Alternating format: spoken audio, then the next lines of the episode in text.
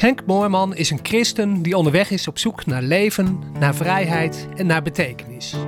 En dan wel concreet gemaakt voor het leven van hier en nu. In deze podcast beluister je preken van hem, waarin hij graag met je deelt wat bijbelteksten hem hierbij te zeggen hebben, wat hij in zijn eigen leven heeft ontdekt en wat hij van anderen heeft opgestoken.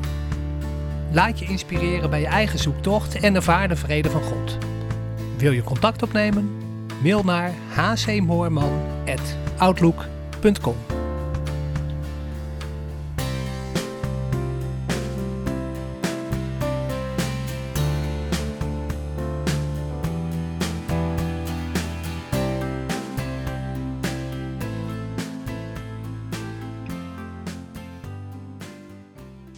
En Johannes 4, ik begin bij vers 7. Geliefden, laten we elkaar lief hebben, want de liefde is uit God. En ieder die lief heeft, is uit God geboren en kent God. Wie niet lief heeft, kent God niet, want God is liefde. Hierin is de liefde van God jegens ons openbaar geworden dat God zijn enige zoon, zijn enige geboren zoon gezonden heeft in de wereld, opdat wij zouden leven door hem. Hierin is de liefde niet dat wij God lief hebben gehad, maar dat hij ons heeft lief gehad en zijn zoon gezonden heeft als een verzoening voor onze zonden. Geliefden, indien God ons zo heeft lief gehad, behoren wij ook elkaar lief te hebben. Niemand heeft God ooit aanschouwd. Als wij elkaar lief hebben, blijft God in ons en zijn liefde in ons is volmaakt geworden. Hieraan onderkennen wij dat wij in Hem blijven en Hij in ons, dat Hij ons van zijn geest gegeven heeft. En wij hebben aanschouwd en getuigen dat de Vader de Zoon gezonden heeft als een heiland der wereld. Al wie beleidt dat Jezus de Zoon van God is, God blijft in hem en hij in God. En wij hebben de liefde onderkend en geloofd die God jegens ons heeft. God is liefde. En wie in de liefde blijft, blijft in God en God blijft in hem. Hierin is de liefde volmaakt geworden dat wij vrijmoedigheid hebben op de dag van het oordeel. Want gelijk hij is, zijn ook wij in deze wereld. Er is in de liefde geen vrees, maar de volmaakte liefde drijft de vrees uit. Want vrees houdt verband met straf en wie vreest is niet volmaakt in de liefde. Wij hebben lief omdat hij ons eerst heeft lief gehad. Als iemand zegt, ik heb God lief, maar zijn broeder haat, dan is hij een leugenaar. Want wie zijn broeder die hij gezien heeft niet lief heeft, kan ook God, die hij niet gezien heeft, niet lief hebben. En dit gebod hebben wij van hem. Wie God lief heeft, moet ook zijn broeder lief hebben. Nou, het woordje liefde komt wel heel vaak voor in het stukje. Hè? Ja. Uh, moet ik altijd een beetje oppassen, heb ik met dit soort stukjes, dat het niet een beetje wee wordt en een beetje klefferig en een beetje eh, all you need is love, hè? Dat, dat idee. Maar als we daar even van wegblijven, dan is het natuurlijk een schitterend stukje en dan is wat mij betreft de vraag, ja, liefde is niet een gevoel, blijkt hier wel heel duidelijk uit. Um, maar zou ik zeggen uh, een gezindheid. Een gezindheid die ook zich uit in daden. In omzien naar, in mensen opzoeken, uh, in zich verbinden met de ander. Want dat komt er weer heel duidelijk uit, hè? Waarin, waarin is nou openbaar geworden dat God van ons houdt? En daar kun je eindeloos over praten en God houdt van ons, oh wat geweldig. Ja, maar waar blijkt dat dan uit, is een hele goede vraag. Nou, hier staat het heel duidelijk blijkt daaruit dat hij zijn enige geboren zoon gezonden heeft, opdat wij daardoor zouden leven. Liefde vertaalt zich in iets doen naar de ander toe. Uh, liefde is je verbinden met die ander. En de vraag is, ja, is dat nog de hartslag van mijn persoonlijk leven? Is dat ook nog de hartslag van ons gemeenteleven? Tegenwoordig zou je zeggen, is, is dat onze drive? Is dat wat ons in beweging brengt en houdt? Die liefde waar het hier over gaat. Dat is volgens mij de essentie en ik denk de rest volgt daaruit. Die, dat komt dan wel, dat vloeit daaruit voort. Zo eenvoudig is het in feite. Jezus zegt, uh, wie mijn geboden houdt, die is het die mij lief heeft. Ergens anders staat het een beetje omgekeerd. Als je van mij houdt, dan onderhoud je mij geboden. En mijn vader uh, zal hem lief hebben en wij zullen tot hem komen en bij hem wonen.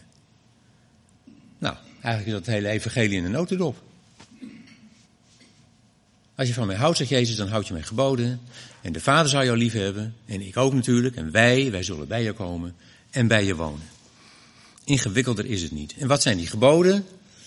Nou, eigenlijk is het ook heel simpel. Jezus zegt, heb God lief uh, boven alles. En je naast als jezelf. En daaraan hangt de hele wet en de profeten. De hele wet en de profeten kun je eigenlijk samenvatten in... Heb God lief boven alles. Hou van je naast als jezelf. Oh ja, zegt Jezus, ik heb nog een nieuw gebod. Houd, je, uh, houd van je vijanden. Heb je vijanden lief. Nou, dat is allemaal nog te onthouden, hè? Zo ingewikkeld is het niet. Heb God lief boven alles. Nou, over al, elk van die dingen kun je een preek apart houden. Kun je preken apart houden. Dat is nou niet de bedoeling. Maar het staat er niet voor niks, hè? Heb God lief. Uh, en laat dat op de eerste plaats staan. En dat betekent niet jezelf wegcijferen of wegmoffelen. Maar wel dat je zegt, uh, vader, dat is uh, wat mijn leven vult. Wat al het andere te boven gaat. Dat is God. Heb je naaste lief als jezelf. Het staat een beetje in omgekeerde volgorde eigenlijk. Heb je naaste lief als jezelf. Dat wordt als vergelijking gebruikt, als uitgangspunt. Ja, dan moet je dus eerst van jezelf houden. Anders kun je niet zeggen, je moet van je naaste houden als van jezelf. Dus eigenlijk moet je zeggen, je moet, de bedoeling is dat je van God houdt. De bedoeling is dat je van jezelf houdt. En vervolgens van je naaste, net zoals van jezelf. En dan nog van je vijand. Nou, wie is je naaste? Nou, Jezus heeft daar een duidelijke gelijkenis over verteld. Uh, de barmhartige Samaritaan. Dat, die gelijkenis vertelde hij als antwoord op de vraag, leg ons nou eens uit heer, wie is onze naaste? En wat was het antwoord? Je naaste is degene die jouw barmhartigheid bewijst. Dat is je naaste. Dat is niet de hele wereld of zo. Je, degene die goed is voor jou, dat is je naaste. Nou, het is nog niet zo heel moeilijk om daarvan te houden, zou je zeggen. Hoewel, hoe makkelijk is het om van jezelf te houden? Want daar begint het wel mee. Want er moet wel eerst een zelf zijn, wil die van een ander kunnen houden. Ja. Nou, dat is, ik zie sommigen ook wat bedenkelijk kijken. Nee, dat valt niet altijd mee hoor. Soms moet je echt leren. Dat dat oké is, dat dat normaal is, dat dat er gewoon bij hoort. Dat dat, nou, ik zou, in, in zekere zin vanzelfsprekend is. Ja, het blijkt heel vaak niet zo vanzelfsprekend te zijn. Of niet zo vanzelfsprekend te gaan. Maar dat is wel zoals God het bedoeld heeft. Ja. Je kunt niet van een ander houden als je jezelf niet acht, als je jezelf niet, als je niet goed bent voor jezelf. Als je niet een beetje goed met jezelf kan vinden. Nou, dat is soms best oefenen. En dan van die ander houden. En dan van je vijand. Nou, dat is een stuk lastiger, hè? Vind ik hoor. En dan kun je zeggen, ja, vijanden heb ik. Ik heb wel geen vijanden. Nee, maar laten we het houden op de mensen die jou een streek hebben geflikt. De mensen die jou onaardig hebben bejegend. De mensen die jou een beetje over je heen gewalst zijn. De mensen die jou een beetje in de hoek gefrommeld hebben. Of degene die gewoon een beetje laatdunkend over je deed. Of, nou, dat soort dingen. Hè? Ik bedoel, daar moet je aan denken. Ja. En om dan toch te zeggen, vader help mij om door uw ogen naar die mensen te kijken. Hoeft geen dingen goed te praten die niet oké waren. Maar laat, leer mij, help mij om door uw ogen naar, ook naar die mensen te kijken. Ja. Het gaat dus, als het gaat om houden van God, jezelf, je naaste, je vijand. Het gaat dus allemaal om mensen met wie je in een verbinding staat, in een relatie staat. Hè? God zegt niet, je moet de hele wereld lief hebben. Laat dat maar aan God over. Al zo lief als God de wereld. Het gaat dus om mensen met wie je op een of andere manier in contact komt. Iets hebt, een relatie hebt. Ook met je vijand heb je een relatie. Wel een hele negatieve. Maar poeh, dat kunnen intensieve relaties zijn hoor. Ja.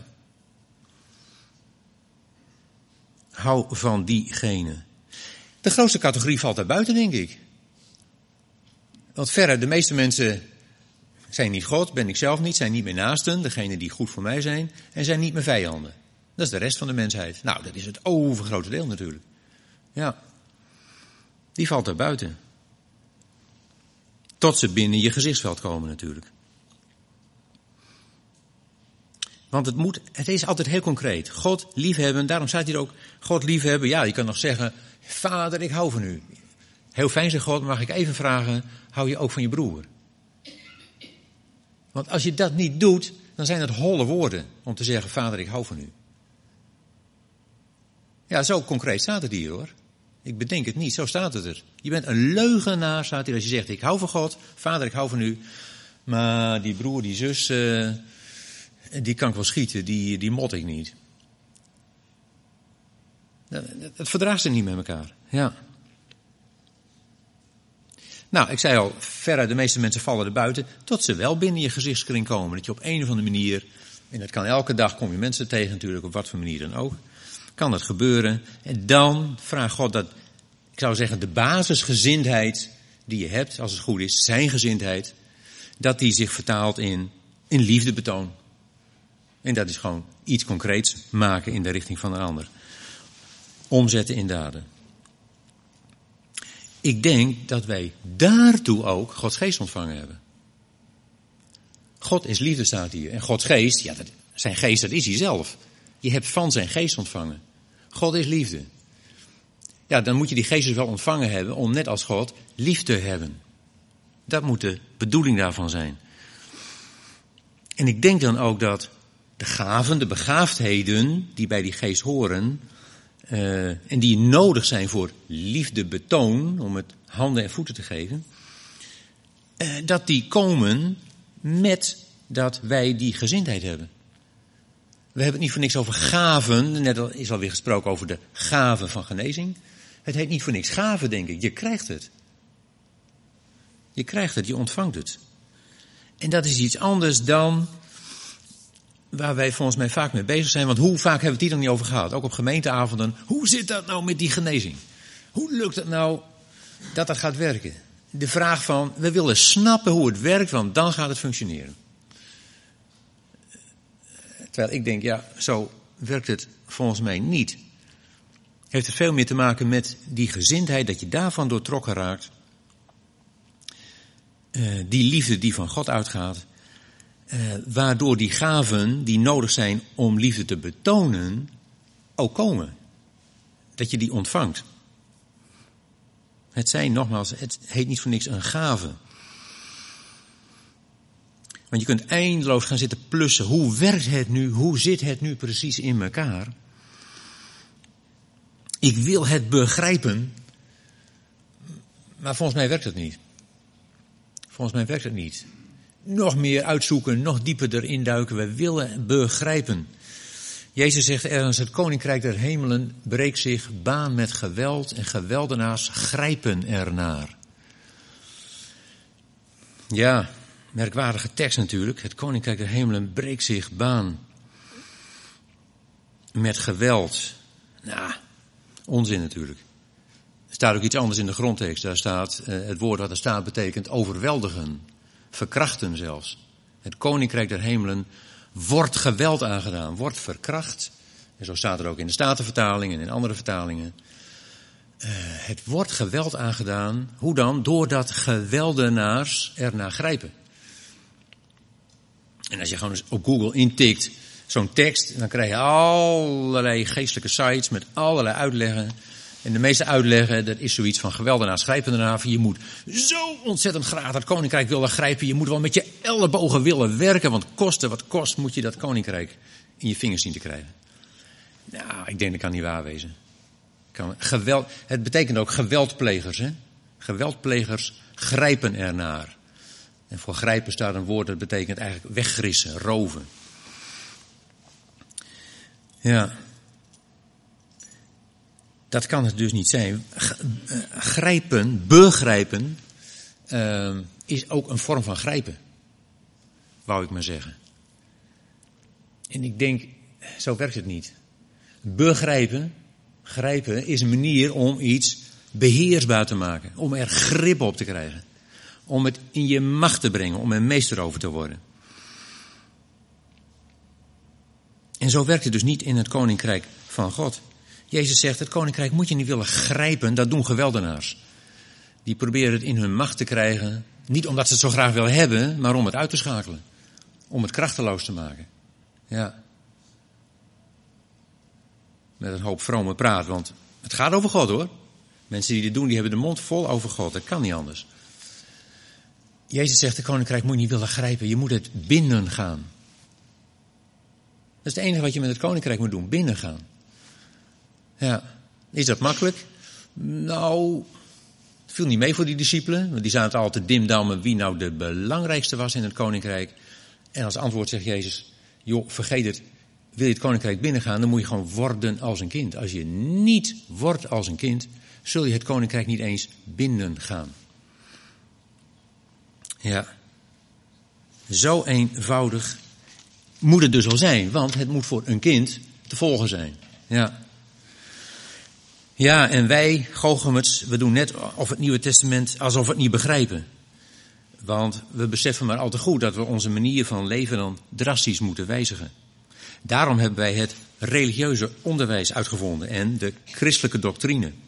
Nog een concordantie, alweer een woordenboek van oude talen. Nog een paar commentaren, drie verschillende vertalingen erbij, want het is allemaal zo moeilijk om te begrijpen. Zeg ik niet hoor. Ruim anderhalve jaar, eh, eeuw geleden zei Kierkegaard dat al. Ja, die prikt door al dat begrijpen heen en zegt van joh, het is niet zo ingewikkeld hoor. De kern van het evangelie, die, dat snap je best. Is dat allemaal verkeerd dan? Concordanties en uh, uh, andere vertalingen en oude talen? Nee, helemaal niet. Helemaal niet. Er is op zich niks mis mee. Voegt het wat toe? Nou, ik vind van wel. Ik doe het ook zelf graag. Gewoon eens wat uitplussen en kijken hoe staat het er nou echt. Ehm, ja, het kan dingen verhelderen, het kan inzicht verdiepen. Maar kunnen we er zonder? Ja. Prima. We kunnen er prima zonder. Want als je zou zeggen, het kan niet, dan ontstaat een rare situatie dat al die mensen die geen uh, Grieks en Hebreeuws kennen, afhankelijk worden van de paar lui die dat wel kennen. Nou, dan ben je mooi klaar. Dan krijg je weer een beetje het oude beeld dat je vroeger in de kerken had van, je hebt de leken, die er geen snars van snappen. En je hebt de mensen die dat allemaal wel snappen, die hebben ervoor doorgeleerd, die, hebben die beheersen die oude talen. Ja, en die, die weten het. Die, dan krijg je toch weer een soort middelaar tussen God en mensen. Lui die wel Hebreeuws en Grieks kennen, uh, voor mij wat nog Latijn. Uh, en die kunnen God uitleggen. Ja, dat kan niet waar wezen, denk ik dan. Het voorbeeldje van net, hè? het koninkrijk van God breekt zich baan met geweld. Nou, ook als je niet weet wat er in de grondtekst staat, dan, ah, als je God een beetje kent, dan zeg je, uh, zo kan het niet zijn. En als je de Bijbel een beetje kent, dan zeg je, er staat in Zacharia, niet door kracht of geweld, maar door mijn geest zal het geschieden. Ja? Dus ook zonder oude talen kom je er zelf prima uit dat je zegt, nee, dit, dit kan niet kloppen. Ja, dus we kunnen er prima zonder. Er is maar één criterium wat mij betreft, en dat is niet of je intelligent bent en niet of je ervoor door hebt geleerd, maar, zegt de Bijbel, of je oprecht bent. De oprechten zal het licht opgaan. Ja, niet de gestudeerden, niet de slimmen, niet de, maakt me niet uit wat. De oprechten zal het licht opgaan. En wanneer ben je oprecht? Nou, volgens mij als je A, van goede wil bent, en B, in staat en bereid om eerlijk te zijn. Volgens mij ben je dan oprecht. Nou, dat kan iedereen. Ja toch? Mooi hè? Waar het om gaat is, denk ik, dat God zich openbaart. Waarin is de liefde van God geopenbaard? Enzovoort. Het gaat erom dat God zich openbaart aan mij. En hij openbaart zich, zegt Jezus, niet toevallig, niet aan wijze en verstandigen, maar aan kinderen. Ja. Ja. En dat leidt tot een kennen wat iets anders is dan kennis. Heel vroeger als een uh, jonge verkering had, uh, dan zei je, uh, heette het, hij heeft kennis aan een meisje. Nou, dat hoor je niet meer natuurlijk tegenwoordig, maar om het woord kennis even in verband te brengen met relatie. Het heeft te maken met omgaan met. Samen zijn, verbonden zijn. Ja, dat God zich zo openbaart. Want de oprechten zal het licht opgaan. Ja, als het licht opgaat, dan zie je. Dan ga je zien. En dat is niet een kwestie van begrijpen, maar dat is te zien met de ogen van je hart. En dat is volgens mij wezenlijk. Ja. Een innerlijk weten. Een innerlijk weten. Dat is wat ons verder brengt. Kijk, er is altijd een risico dat je Gods naam ijdel gebruikt. En omdat de bond tegen het vloeken eh, dat zo ongeveer tot hun domein hebben gemaakt, denkt iedereen altijd, oeh, eh, de naam van God ijdel gebruiken. Dat moet natuurlijk niet. En wat moeten we dan niet? Dan moeten we niet vloeken, want ijdel gebruiken is vloeken. Nou, mag. Mag voor mij, maar ijdel is gewoon vergeefs, hè? Ijdele hoop is vergeefse hoop. Zijn naam ijdel gebruiken is zonder dat het tot, tot iets leidt. Ik denk, je gebruikt de naam van God ijdel als ik heel veel over God praat en heel veel over hem weet en heel veel over hem heb opgezocht en heel veel over hem kan uitleggen, maar het is helemaal losgeraakt van waar het wezenlijk om gaat, namelijk Gods liefde voor de mens. En niet voor dit clubje hier alleen, voor de mensheid. Als al men bezig zijn met God en met het evangelie en de Bijbel, daarvan los is geraakt, denk ik, dan ben ik bezig om Gods naam ijdel te gebruiken. Vergeefs.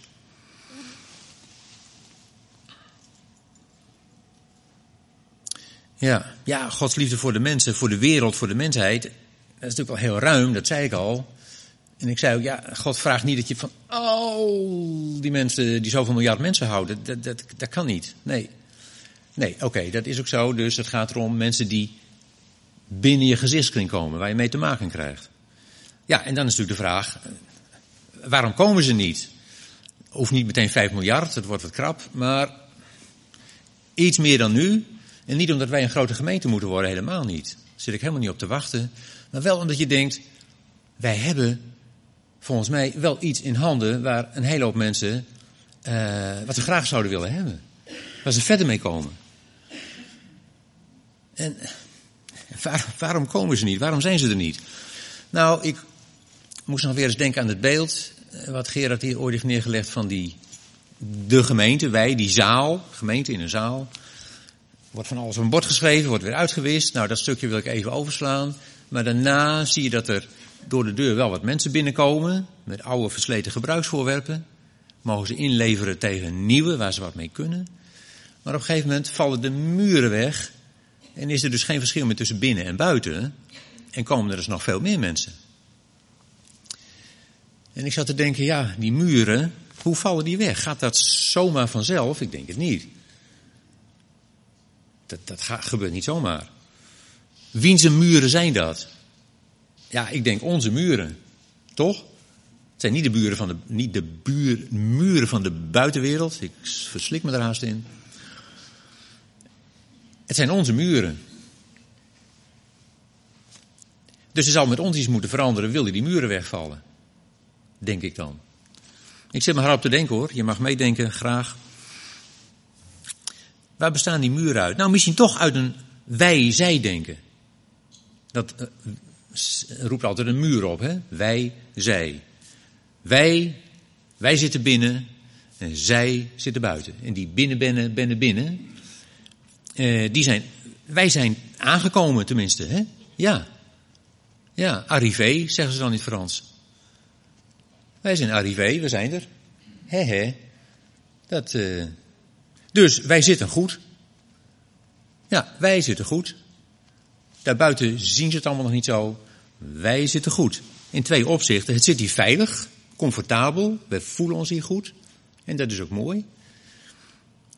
Maar dat hele comfortabele kan ook iets meebrengen van blijf zitten waar je zit. Hè? Ja, wij zitten goed. En ook wij zitten goed in de zin van wij hebben gelijk. Wij zitten goed. Ja, anderen zien het natuurlijk nog niet helemaal goed, maar wij zitten goed. Wij zien het goed, wij hebben gelijk, wij weten het. En we kunnen het allemaal uitleggen ook. Fantastisch. Ja. Ja. Misschien dat het een beetje een muur eh, in het leven roept, hè? Of wij zijn kinderen van God. Al die mensen buiten niet. Is dat zo? Is dat zo? Als je naar de Bijbel kijkt, dan wordt niet alleen Jezus de zoon van God genoemd, maar ook Adam, hè? Als je het geslachtsregister van Jezus, een van de twee die teruggaat in de tijd neemt, die eindigt met Adam, de zoon van God. En in die zin is niet alleen Adam, maar zijn alle mensen kinderen van God. Ja. Als Jezus uh, leert, uh, ons leert bidden, ja ons, uh, hij, het stuk de bergreden, hij zet de grondprincipe van zijn koninkrijk uiteen. Zit hij op de berg, hij spreekt tegen zijn volgelingen, staat daar. Dat waren niet alleen die paar discipelen hoor, dat was een, een hele kluit mensen die hem volgden. Wat waren dat? Christenen? Nee. Waren dat mensen die zeiden: Ik heb Jezus aangenomen als mijn Heer en Redder en mijn Heiland? Nee, helemaal niet. Dat waren gewoon Joden die zeiden: Verdraaid, die man die zegt dingen die mij raken. Daar, daar moet ik achteraan, daar wil ik meer van horen. Dat waren die volgelingen. En die leert hij bidden als je tot God spreekt. En God, dat wisten ze, want ze hoorden ze elke zondag in de synagoge. Als je tegen God spreekt, dan mag je hem rustig vader noemen. Ja, dat impliceert wel dat jij zijn kind bent, hè? Ja.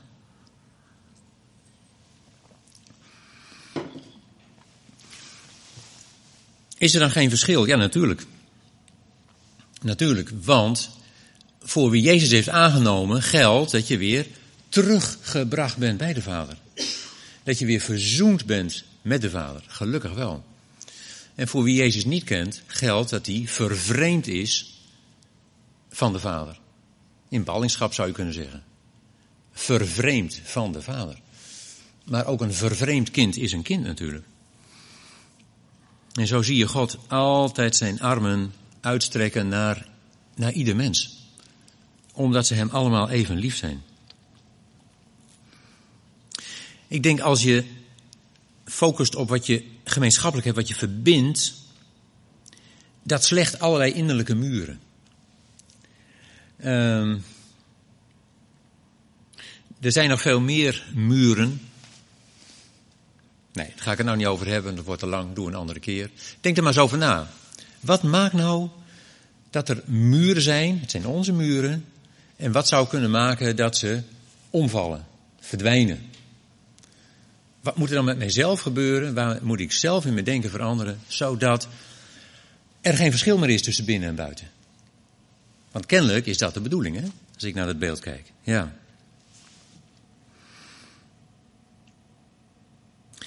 Kortom, God is bezig mensen te maken naar zijn beeld en gelijkenis.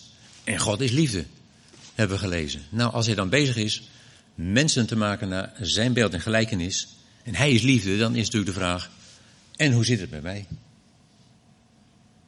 Amen. Wil je contact opnemen?